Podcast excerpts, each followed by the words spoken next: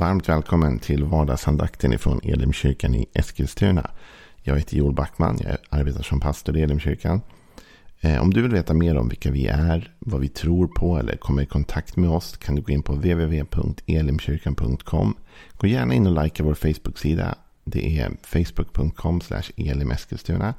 Eller gå in på vår YouTube-kanal. Söker du bara upp Elimkyrkan Eskilstuna. Då får du del av allt det som vi har och vill erbjuda dig livesändningar, gudstjänster, annat. Och idag är det onsdag och det innebär att ikväll klockan 19.00 så har vi en samling. Och det är faktiskt första onsdagen i november. Och första eh, onsdagen varje månad har vi bibelseminarium.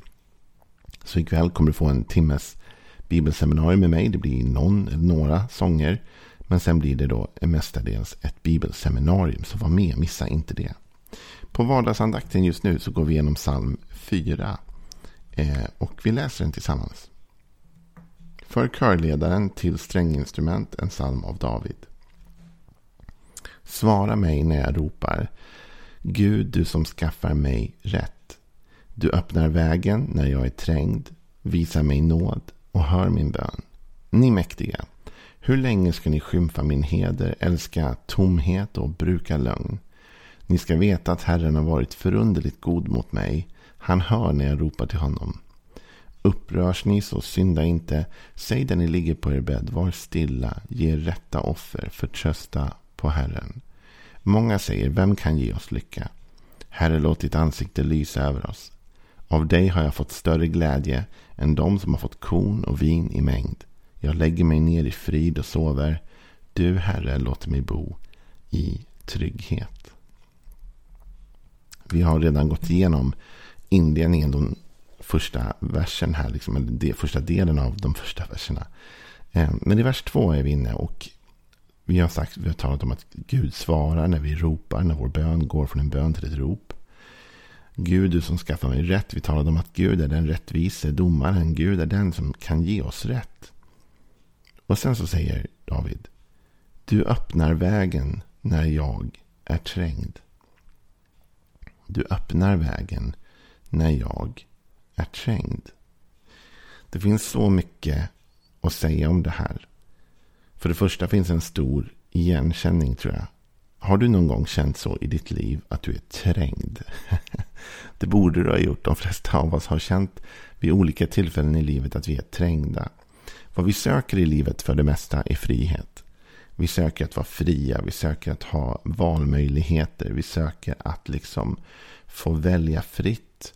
Medan den här podden kommer ut nu så är vi mitt i en val, eh, ett val i USA. Eh, och människor val handlar om demokrati, det handlar om frihet, det handlar om att människor ska få kunna fatta olika beslut. Och att man ska vara fri att fatta det beslut man vill. Ibland känner vi oss inte fria. Ibland blir vi trängda av livet, av omständigheter, av saker som händer. Ibland trängs vi in i ett hörn. Och vi kan sakna vägar. Det skönaste i livet är när man kan se flera vägar. Det är klart det kan vara jobbigt ibland att behöva fatta ett beslut. Jag skulle kunna gå dit eller dit. Eller...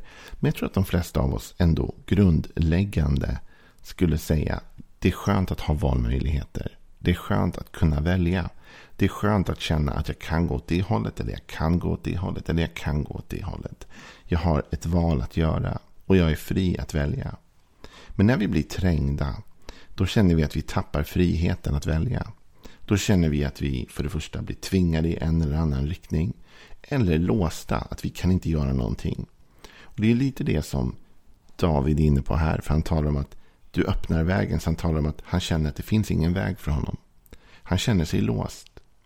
Och, och, och när jag redan inlett och talat om den här salmen så har jag talat om att det märks att det finns en frustration i den här salmen. David är frustrerad.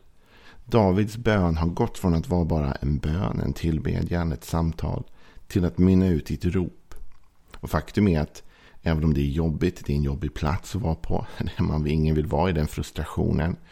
Men faktum är att den, den bönen som blir ett rop är en oerhört effektiv bön.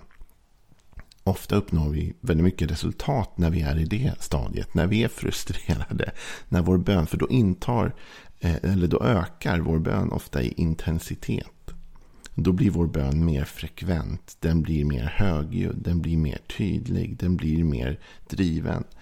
Och det leder också oss längre i vårt böneliv och i, i, i relationen gentemot Gud. Och Jesus gav oss en liknelse om den här änkan som blir illa behandlad av en domare. Men hon är så tjatig, hon är så på honom så till slut ger han sig bara för att han orkar inte med henne. Bibeln säger att det, det är ett exempel på hur vi ska be. Vi ska ligga på. Du öppnar vägen när jag är trängd. Det finns så mycket annat bra att säga om detta. Nummer ett. Det är ett uttalande i tro. Det här har inte David sett än. Han kanske har sett det ur tidigare händelser och han kanske har en erfarenhet att hämta ifrån. Men i den situationen är just nu där han ropar, där han ropar till Gud om rätt. Så säger han också, du öppnar vägen. När jag är trängd. Alltså jag vet Gud att du är den som öppnar vägar. Jag vet att du är den, du har gjort det förr, du kommer göra det igen. Jag vet att jag har varit i trängda situationer förut. Och du skapade en väg, du skapade en möjlighet. Så jag vet Gud att du kommer öppna en väg. Jag tror att vår bön måste bli mycket mer, eh, innehålla ett mycket större förtroende för Gud. Tro. Där vi säger till Gud, Gud jag vet att du kan göra detta. Inte bara Gud, jag ber att du skulle öppna en väg. Utan du öppnar en väg för mig Gud. Gud, jag, jag har förtröstan på dig, jag har tillit till dig. Jag vet att när jag kommer till dig med min bön så öppnar du en väg. Jag tänker inte säga kanske, förhoppningsvis, möjligtvis. Gud, du öppnar en väg för mig. Du öppnar vägen för mig när jag är trängd. En annan sanning vi hämtar ur den här versen är att vi är trängda ibland. Och till och med en människa som lever nära Gud som David. Som är en, en, en bedjande människa, en tillbedjande människa. Någon som tjänar Gud, någon som verkligen viger sitt liv åt honom. Även en sån person blir trängd. Det finns ingen kristendom där, där vi inte kan hamna i trängda lägen. Eller i utmaningar eller svårigheter. Jag tror på ett segrande kristet liv. Jag tror att vi kan ta oss igenom och över och förbi de här utmaningarna. Och jag tror som David att Gud öppnar vägar för oss när vi är trängda. Men vi kommer bli trängda. Vi kommer hamna i frustration. Vi kommer hamna i situationer vi inte vet hur vi ska ta oss ur. Vi kommer hamna i, i alla de där känslorna och i all den där kampen. Vi kommer landa där. Och vi kommer hamna i situationer där vi inte längre är svaret. Och jag tror ibland att det är ett av syftena med att vi blir så trängda. Eller att Gud rättare sagt tillåter oss att bli så trängda. Det är för att vi ska komma till den punkten där vi inser att jag kan inte själv. Det är ju en teknik man kan ha med sina barn ibland. Du vet när de är i den här fasen när de är små att de kan allting själva. Och man är stressad och man tycker nej men jag vet att du inte kan och nu kan vi bara skynda på, jag hjälper dig. så. Men ibland så måste man låta barnen testa. Man måste låta dem få chansen såklart. Fastän man vet att det här är för svårt. De kommer inte klara det här. Men jag låter dem testa. Och när de inser att det går inte. Då ber de pappa eller mamma om hjälp. Lite så är det med Gud också. Att ibland låter han oss testa saker. Eller pröva. Eller försöka själva. Men bara kanske för att komma till insikten. Vi kan inte. David säger ju inte jag öppnar en väg när jag är trängd. Eller du Gud hjälper mig att öppna vägen. Utan han säger du öppnar vägen när jag är trängd. Med andra ord, jag kan inte hitta en lösning här Gud. Jag är trängd, jag har ingen väg, jag har ingen möjlighet. Det finns inget mänskligt sätt för mig nu att navigera mig igenom detta. Men Gud, du öppnar vägen för mig när jag är trängd. Så det är ju en fantastisk, liksom, eh, en fantastisk sanning.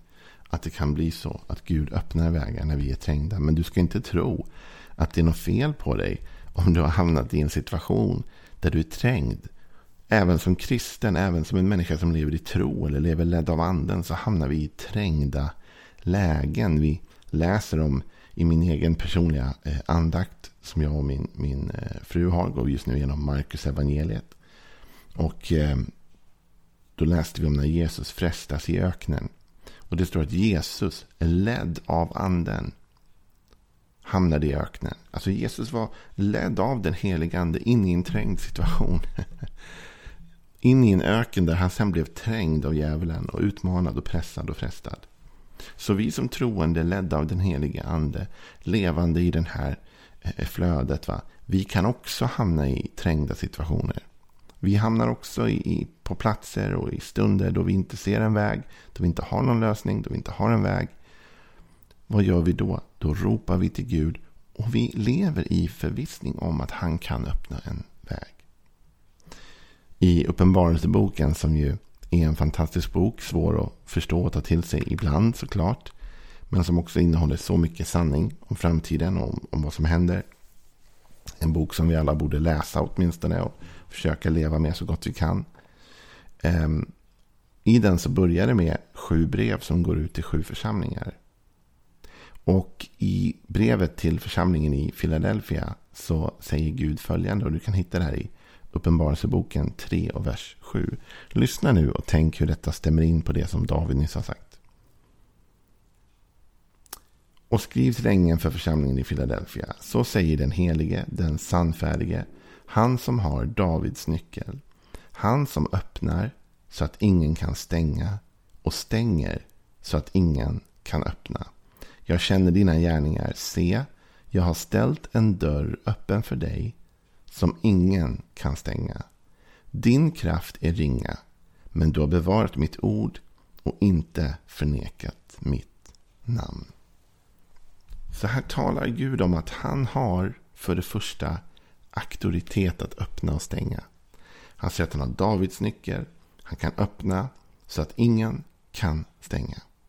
Och han stänger så att ingen kan öppna. Gud är i kontroll över livets vägar. Gud kan ge dig favör och möjlighet och Gud kan också stänga för dig olika dörrar som han inte tror är bra för dig. Om du överlåter det åt honom. Gud kommer inte tränga sig in i ditt liv. Gud kommer inte forcera sig in i ditt liv.